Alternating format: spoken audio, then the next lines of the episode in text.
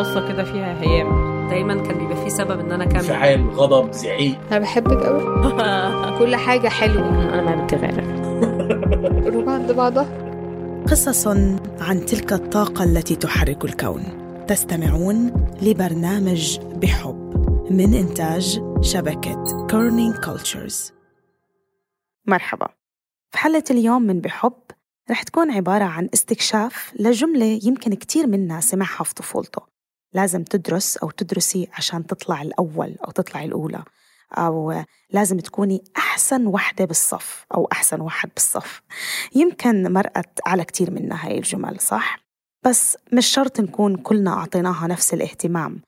بالنسبة لنهى حناوي معدة حلقتنا لليوم وصديقتها نسرين كان السعي وراء الكمال والمرتبة الأولى هاجس استمر معهم طوال حياتهم.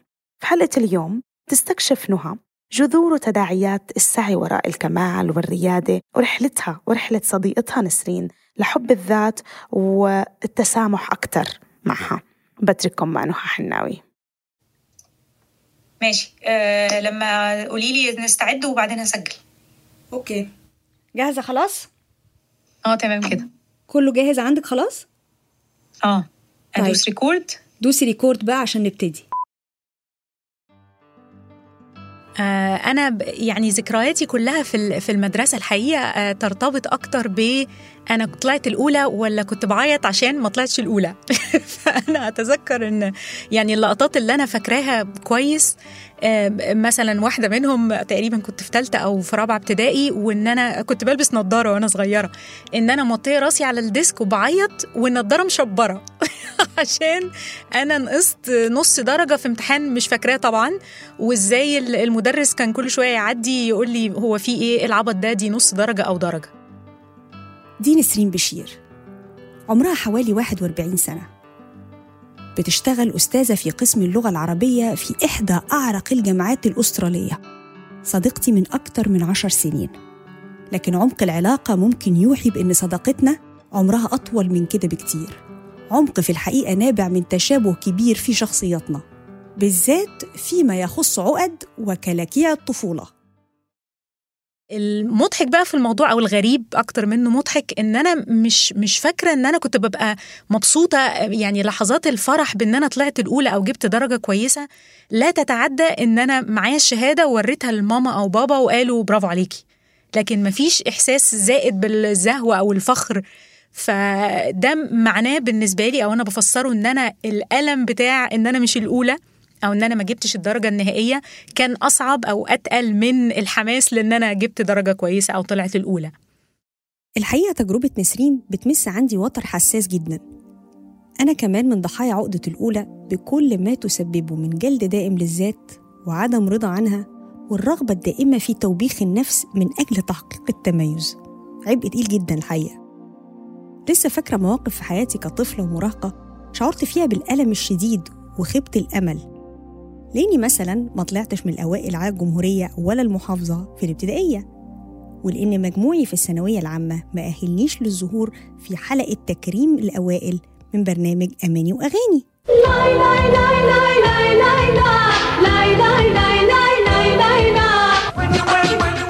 أيوة أماني وأغاني. أماني وأغاني ده كان أهم برنامج للشباب في مصر في التسعينيات حيث ندرت القنوات الفضائية والأقمار الصناعية. واحلم وأنا معيش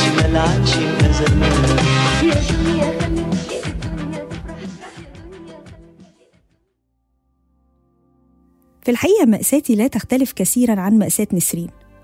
يمكن تكون حتى صورة مطابقة ليها. كنت دايما بعتقد أن استمرار العقدة دي مع أمثالي وأمثالها بعد انتهاء سنوات الدراسة هو مجرد تجسيد لأزمة الإنسان الحديث اللي أصبح بيعرف نفسه من خلال عمله وإنتاجيته. بالتالي علاقته بنفسه أصبحت شديدة الاضطراب لأنه دايما بيسعى لتحقيق المزيد بغض النظر عن اللي حققه أو أنجزه. يمكن ده يكون الإطار العام أو الأوسع للمشكلة لكن كان دايما عندي سؤال. مش ممكن يكون في مكون خاص جدا. هو اللي أثر في تجربتي؟ دول إيه دول يا بوبو؟ عنده دور حاجات عملتها بال بالمسطرة. أوكي. ودي كمان بالمسطرة. ودي بالمسطرة كمان. اما دي آه، كتبت هنا آه، dimanche mercredi وبصراحة في وسط كل ده كان أكتر حاجة مسيطرة على ذهني. إزاي إن أنا أحمي ابني إبراهيم اللي عنده سبع سنين من الوقوع في نفس الفخ والتعايش مع نفس الألم. عايزة أضمن له علاقة أكثر سلاسة مع نفسه ودرجة أعلى من حب الذات بمعناه الإيجابي. وكان عشان أعرف إزاي ممكن ما أعيدش إنتاج نفس النموذج التعيس ده معاه كان لازم أعرف إيه اللي حصل معايا وأنا طفلة. ويبدو إن أمي كان معاها كل مفاتيح الموضوع من الأول. وأنا بس اللي ما كنتش واخدة بالي. آه، عن ال interview؟ آه أنا هسجل معاها إيه بتقول لها؟ interview. هسجل معاكي بس. ها؟ طيب فاكرة أيام ما أنا كنت في المدرسة؟ آه طبعا فاكرة.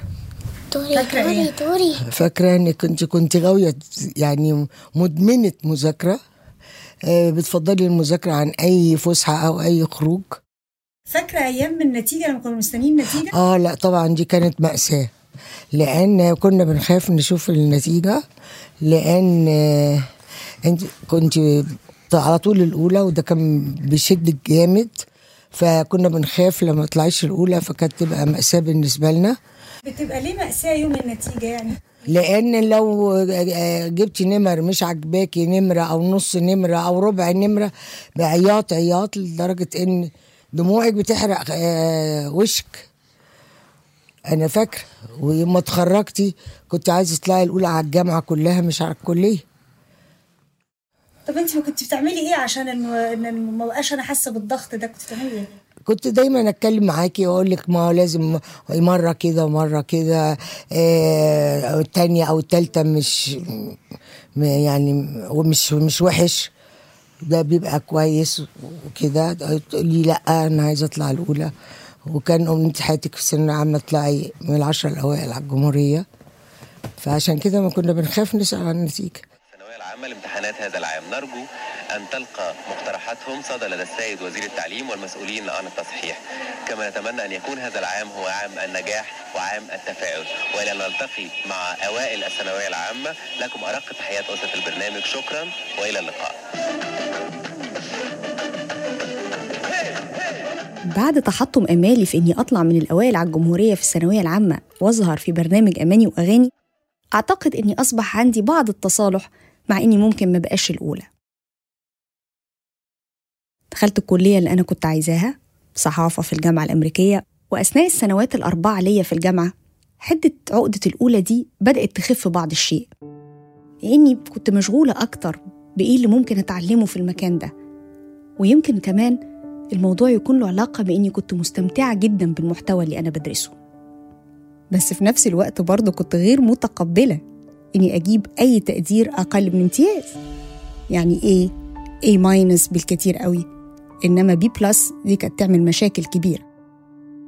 في حالة نسرين الجامعة برضه كانت نقطة تحول مهمة جدا في إدراكها إنها مش دايما هتفضل الأولى. لكن الكشف ده كان له بعد وجودي غاية في الأهمية. أول احتكاك ليا بإن أنا مش الأولى الحقيقة كان في الجامعة. يعني لغاية ثانوي أنا كنت دايما من الشاطرين وجبت يعني كنت مدارس حكومة جبت تقديري دخلني ألسن ودخلت ألسن. دخلتي ألسن فكل الناس مجموعها فوق ال 95 فيعتبر الكل شاطر. فأنت كأنك بتعيدي بتصفري العداد من الأول وإحنا هنبتدي بقى كلنا. أدي كلنا 95% مين بقى الشاطر في ال 95 الصدمة بتاعت إن أنا مش الأولى في الجامعة. الغريب بقى في الموضوع إن هي كانت مرتبطة برضو بشكل ما بأخويا.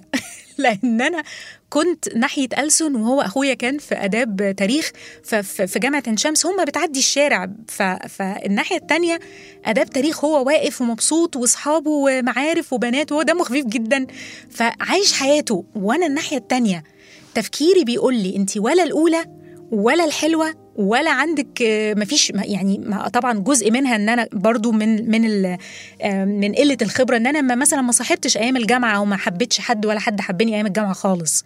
فابتدت ابتدى السؤال اللي هو طيب انت لو مش الأولى انت مين؟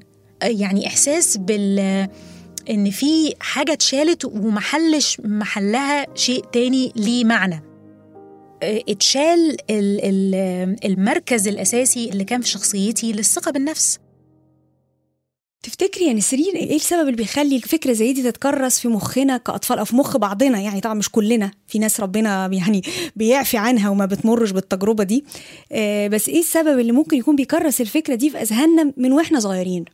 يعني في في ثقافة يعني ثقافة إن الإنسان يبقى شاطر ومجتهد ويعمل الواجب وخلص واجبك برافو عليك. آه، غير طبعا الواحد لما كبر وابتدى يحتك بثقافات تانية تلاقي إن في تركيز على آه خلص واجبك بس عشان عندنا تمرين كورة أو في سباحة أو عندنا تمرين موسيقى. في في حاجات تانية في الدنيا. عشان كده إحنا بنخلص الواجب.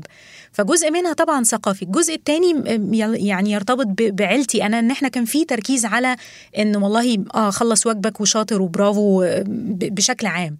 أنا ليا أخ واحد أكبر مني بالمعايير بتاعتنا في مصر أنا أشطر منه.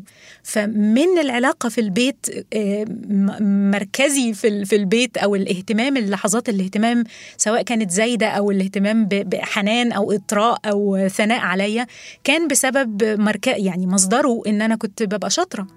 الحاجة التانية في العيلة على مستوى العيلة أنا مقارنة بولاد خالتي البنات أو الولاد برضو بالنسبة لهم الأولى أو التانية. جنبها أنا برضو مقارنة ببنات خالتي ما كنتش أحلى واحدة بالمعايير بتاعت مصر زمان فأنا سمرة شعري آه، اللي هو يعتبر مكتكت اللي هو دلوقتي بيتقال عليه كيرلي من القلاطة لكن هو زمان كان بيتقال عليه مكتكت. آه، ولابسة نظارة من أولى ابتدائي لغاية لما دخلت الجامعة وعملت الليزك لابسة نظارة. فكل الحاجات دي مش من معايير الحلاوة. فلما بيجي لك اهتمام والاهتمام ملوش علاقة بالحلاوة فانت بتقولي آه والله ده أنا بعمل حاجة كويسة. فابتدت خلاص ارتبطت فكرة ال ال الهوية إن أنا مين إن أنا بط أنا الأولى. اتخرجت من الجامعة ببكالوريوس صحافة واشتغلت على طول. هنا أصبح للعقدة تجليات جديدة. طبعا نتيجة صعوبة تحديد إزاي أكون الأولى في عالم الصحافة تجلت العقدة دي في صورة حرصي الشديد على الكمالية. ما ينفعش أكتب أي حاجة يكون فيها هفوة مش غلطة. وهنا كانت دايما الكرابيج متحضرة. لو الموضوع اللي أنا بكتبه لا يرتقي لمستوى الكمال يبقى الكرباج لازم يشتغل. انت فاشلة. انت مش نافعة. ما تفكري تشوفي لك شغلانة تانية. الناس اللي شايفينك شاطرة قوي دول ده انت بتخدعيهم. دول ما عندهمش فكرة قد إيه انت خيبانة. طبعا ضغط نفسي غير عادي. وخوف من إني أنفرد بنفسي. بمعنى إن أنا لما بنفرد بنفسي في الأوقات دي ببهدلها. فكنت دايما بحاول إن أنا ما انفردش بيها. لأني لو قعدت معاها هتشعرني قد إيه أنا خذلتها. الضغط ده كله ممكن بسهولة جدا يؤدي لاكتئاب. اكتئاب في الحقيقة كان له إرهاصاته قبل كده انت فاكرة في تانية إعدادي؟ آه طبعا إيه فاكره اللي. حصل في تانية إعدادي؟ تاني إعدادي من كتر ما ما انت مشدودة من المذاكرة وكنت مش عايز تنزلي عن المستوى ده فجالك شوية هزة نفسية كده مش عايزة تذاكري آه، ساعات كنت تعيطي من غير حاجة خايفة تروحي المدرسة. فطبعا أنا كانت حالة حالتي كانت وحشة جدا جدا جدا. مش عارفة كان إيه اللي جرالك وبعدين آه، قعدت أهدي فيكي وبتاع خلاص ومش عارفة إيه وتكون لغاية ما ربنا الحمد لله عدى المرحلة دي على خير يعني. لكن من كتر الضغط النفسي اللي انت اللي عاملاه على نفسك آه وصلك لكده. كنت انت بتحسي بإيه إن أنا بطلع دايما الاولى كانت بتفرق معاكي؟ آه كانت بتفرق بتفرق معاكي إزاي؟ لأن آه أنا ما يعني ما كملتش تعليم اللي كان في دماغي فكان أمنية حياتي إن أنا أعلم ولادي اللي أنا كان نفسي أتعلمه فكنت ببقى فرحانة جدا جدا بالرغم إن هو يعني أنت بتبقي متضايقة عشان ناقصة نمرة ولا نمرة ونص لكن أنا من جوايا ببقى سعيدة جدا. لأن كان كل همي انكم انت وأخوك تطلعوا من الأوائل على طول. وكنت لما بتطلعوا ال- ال- الأولى انت وأخوكي بعيط من الفرحه لأن اللي كنت عايزة أعمله شفته فيكم إحنا كنا بن... أنا كنت بحس بده. كنت آه. بحس إن انت فرحانة بس ده كان شوية بيحط عليا ضغط من غير ما تحسي إني عايزة أحافظ على نفس الحاجة أيوه أيوه أيوه. على المركز الأول طول. أيوه. على قد ما أنا فرحت على قد ما كنت ندمانة. كنت بتزقي بس مش بشكل مباشر كنت بتزق بزق بس بس عارفة زي الدب اللي بيقتل صاحبه. يعني دلوقتي بقول إن هم يعني أنا حققت اللي كان نفسي أعمله بس هم تعبوا زي ما حصل مرة. تعبوا كان قتل. إنسان كده. رفصه في وشه فراح قتله خالص. ما يسأل يقول لي بصي. ده موضوع تاني يا بو الدب ده موضوع تاني خالص. لا هقول لك. بصي هقول لك. كان في giant grizzly اللي هو قد جبل. كان قدام راجل والراجل ده بي- بيصور كده كله يعني قاعد يتخانق معاه زي كده. وفي الآخر الدب راح مهشه كده قتله في دقيقة. أصل الدب ده ضخم جدا ده 3 متر. ففي الآخر وهو وهو بيموت كده قال للناس اللي شغالين معاه آه، ما تموتوش الدب هو ما عملش أي حاجة أنا أنا الملام. فدي- أنا أنا أنا الملامه برضه آه صح القصة صح دي يا الدب اللي قتل صح صح يا بو دي انت شفتها؟ الحقيقة أنا وأمي عمرنا ما اتكلمنا في الموضوع ده قبل المرة دي. يمكن لو ما كنتش عملت الحلقة دي ما كنتش عرفت أي حاجة من اللي هي قالتهولي لأول مرة أكتشف إن هي ليها اليد العليا في ترسيخ فكرة عقدة الأولى في ذهني. عمرها ما صرحت لي بإنها كانت بتعوض من خلالنا أنا وأخويا اللي هي ما قدرتش تحققه. وما أخدتش بالها إزاي حاجة زي كده ممكن تسيب أثر طويل المدى. قررت في الآخر إني آخد كل الكلام اللي هي قالتهولي وكل المشاعر اللي أنا بحس بيها وأحطها في إيد الشخص المتخصص اللي ممكن يقول لي إيه اللي حصل معايا بالظبط وأنا صغيرة. وليه العقدة دي فضلت معايا؟ ألو؟ عيادة الدكتورة هبة حبيبي اتفضل. حضرتك تحب مواعيد صباحية ولا مسائية؟ تفضل تفضل أه، أهلا أهلا أهلا يا نهى. إزيك أنتي؟ لا يا حبيبتي أنا مبسوطة بجد إن أنا شفتك. عاملة إيه؟ مثال للحب المشروط اللي الطفل وصل له إن أنا عشان مامتي تحبني لازم أطلع الأولى. لو طلعت التانية هي هتبطل تحبني. وطبعا آه، إن هي تبطل تحب طفل ده بالنسبة له آخر الدنيا. وده ده بيستمر آه ما خلاص. بقت نظرتي لنفسي عشان أنا أبقى محبوبة من نفسي ومن الناس لازم أبقى أحسن واحدة في كل حاجة. ما هو إحنا أنا مش عارفة أحب نفسي غير من خلال حاجة. فالحاجة دي بتبقى مصيرية بالنسبة لي وحيوية. بس هي ما بتغذنيش عشان هي دايما ما بتبقاش كفاية فببتدي أزودها. مهما نجحت أنا مش هبقى ناجح كفاية أنا عايز أنجح أكتر. فهمت. طيب بكرة تكمل كله؟ أوكي. خلاص؟ معلش النهارده ما قدرتش تخلص خلصه بكرة. بس أهم حاجة ما تكونش بتسيب الخفاي وتقعد تلعب. اتفقنا؟ آه. كمان لعبت برضه شوية. كمان إيه؟ مش سامعة يا إبراهيم. لعبت شوية. لعبت إمتى؟ أنا بعمله. وأنت بت... تعالى تعالى كده قولي تعالى. أنا لعبت وأنا بعمله. لعبت وأنت بتعمل إيه؟ بتاع. ال- الايه اتخفي يعني لعبت شوية. لا، لعبت. مع مين؟ مع ياسين ما ياسين قاعد جنبي. مم.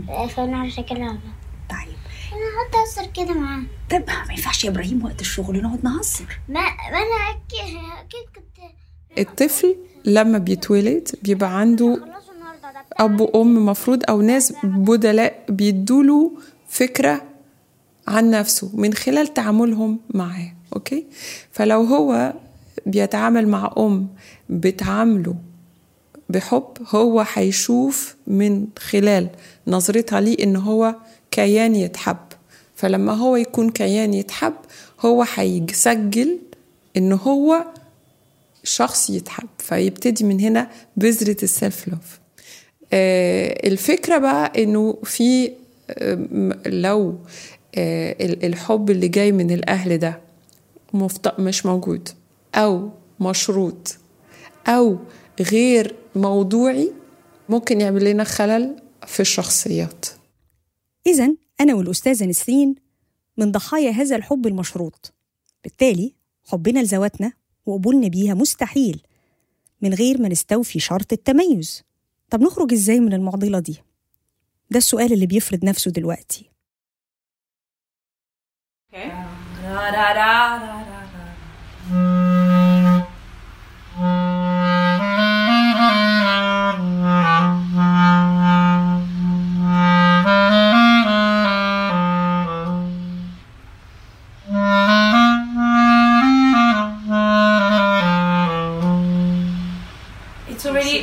Yeah. That's not too bad. Yeah, Yeah. Like it's already uh, more interesting than just Than the doing flat. a, cos- a constant, uh, you know, same volume. Yeah.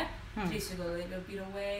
Yeah. Always the more. أنا م- مش عارفه حقيقه أحط ايدي على لحظه معينه حصلت فيها نقطه نقطه تحول يعني أحيانا الواحد بتقابلي حد أو بتقري جمله وبعدين آه والله الكلام ده مظبوط الموضوع حصل تدريجي لأن كان آم، مثلا من ساعة ما ما ابتديت آه، شغلي وحياتي الأكاديمية طبعا كان حصل أكتر من من ظرف عطلني ولكن يبقى اللي مثلا معطل إنتاجيتي إن أنا في آه، سعي للكمالية. فأنا لما بقعد أشتغل على بحث أو بقرأ مثلا مقالة معينة بتاخد وقت أطول لأن أنا في ذهني ال- المنتج ده لسه ما وصلش إلى الكمال. لو لو قدمته يمكن يجي لي رد فعل مش مش المفروض يجي الواحدة أولى. يعني فطبعا كل الكلام ده بيعطل. فلحظة الكشف كانت الحقيقة من سؤال أنا ليه مثلا مش مستمتعة بالأبحاث لو خصوصا إن أنا اللي بختار الموضوع وأنا اللي بشتغل على الفكرة. لحظة الكشف كانت في أنا ليه ابتديت أتعلم كلارينيت ووقفت أو ليه أنا المفروض آه، قلت لنفسي إن أنا مثلا هروح ألعب رياضة ليه لازم أروح خمس مرات في الأسبوع؟ يعني إيه المشكلة إن أنا أروح مرة أو أروح مرتين؟ فكانت الحقيقة من أكتر جانب من في حياتي. يعني في العادي كان فكرة الأولى بتبقى مرتبطة بالشغل أو مرتبطة بالدراسة.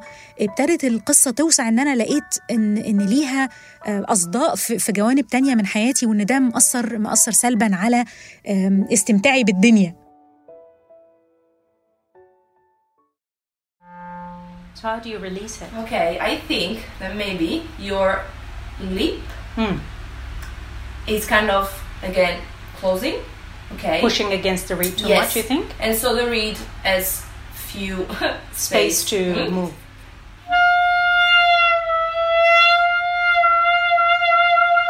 Like you can move that much. Okay. So try to experiment. ابتدى بقى التحرر من فكرة الأولى ده من قراياتي في علم النفس وقراياتي في الفلسفة يعني أكتر شيء ابتدى يفتح ذهني لأن فكرة الأولى دي مش لازم بالضرورة تبقى هوية ليا أو ده أنا شخصيتي إن أنا ده, ده شيء صفة ليا إن أنا الأولى إن أصلا مش لازم يبقى فيه توصيف للبني آدم. هو إنسان عايش و... ويسعى إن هو يعيش بدون عناء. قيمة ال... ال... الاستمتاع دلوقتي بقت أعلى من قيمة إن أنا هدفي إن أنا أطلع الأولى.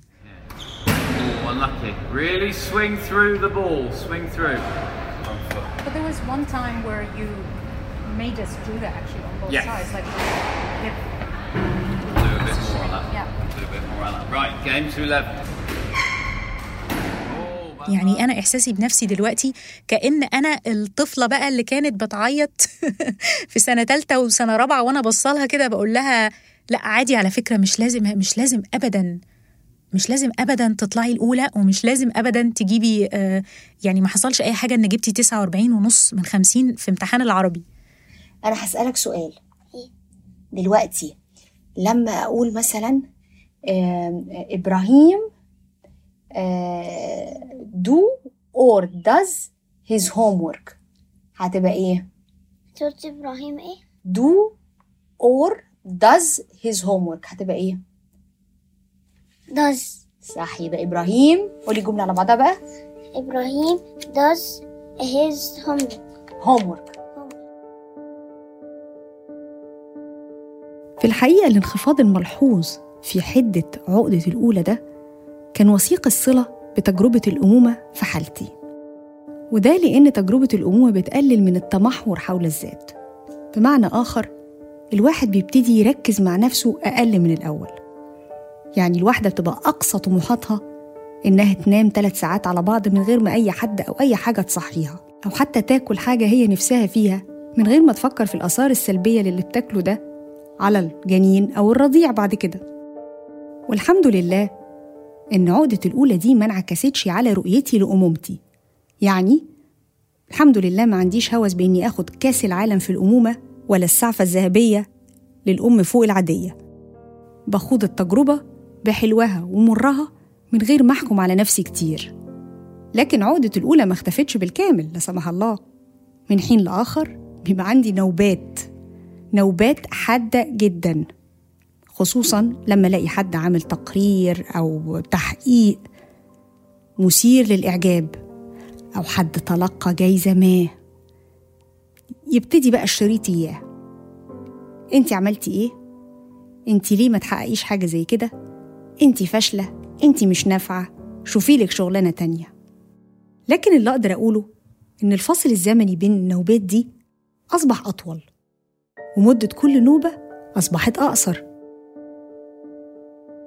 يمكن ده يكون لأني أصبحت على وعي أكبر بأصل المشكلة ويمكن برضه يكون نتيجة إدراكي إن التمسك الشديد بالمركز الأول طول حياتي ده مجرد تعبير عن رغبة في الحصول على حب غير مشروط سواء من أمي أو من ذاتي.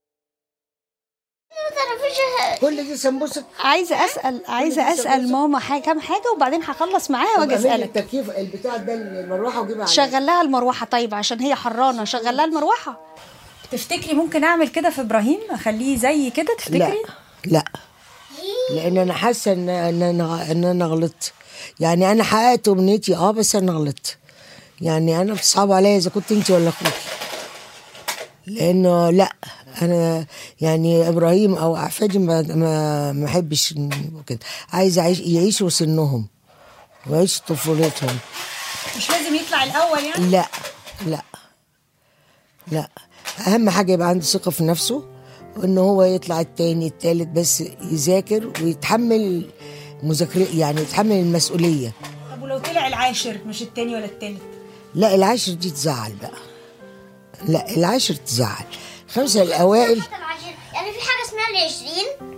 عايز تطلع العشرين؟ هو في حاجة اسمها حتى عشرين لا بالخمسه الأوائل ما معلش. بيسموها آه. إن لازم يعيش طفولته ويعيش سنه. بس يطلع من الخمسه الأوائل. آه بال... بال... في الوقت الحالي آه. وبعد الكشف الكبير عن أصل المعضلة أصبح شغلي الشاغل هو إني معرضش ابني لأي شكل من أشكال الحب المشروط. الحب المشروط اللي ممكن يفقده قدرته على التصالح مع ذاته وتقبلها بكل ما فيها من عيوب ومميزات.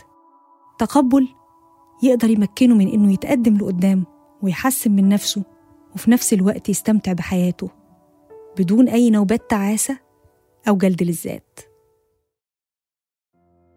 فهو ميوله إيه دلوقتي؟ عايز تبقى إيه؟ أوكي أنا عندي بس سؤال. إيه؟ السؤال؟ يعني أكيد في المدرسة كمان عندنا الأوائل دول. إما أنا اولى واحد فيهم ولا الخامس ولا العاشر ولا الحاجة أنا بقى حاجة براهم خالص. يعني أنا صنفت حاجة اسمها الفشل النصفي. الفشل النصفي لا حلو. إيه الفشل النصفي يعني يبقى؟ نص نص. لا مش نص نص. أمال إيه الفشل؟ أنا أول مرة أسمع الفشل. النصفي ده حاجة أكبر من الفشل. والله؟ آه. يعني أنت عايز تبقى فاشل. نعم لا لا أمال إيه؟ لا يعني أنا يعني أنا في قلب الفشل. طب ما هو قلب الفشل. آه. ده أنت وجعت كون قلبي. كون زي ما أنت عايز يا ده أنت وجعت كون قلبي. زي ما أنت عايز.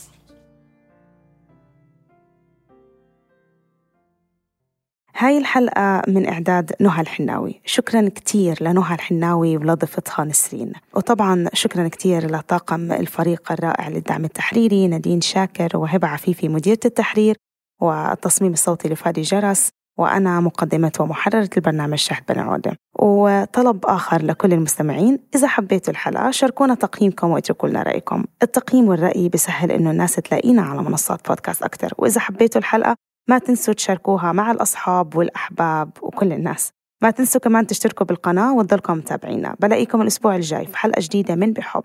باي باي.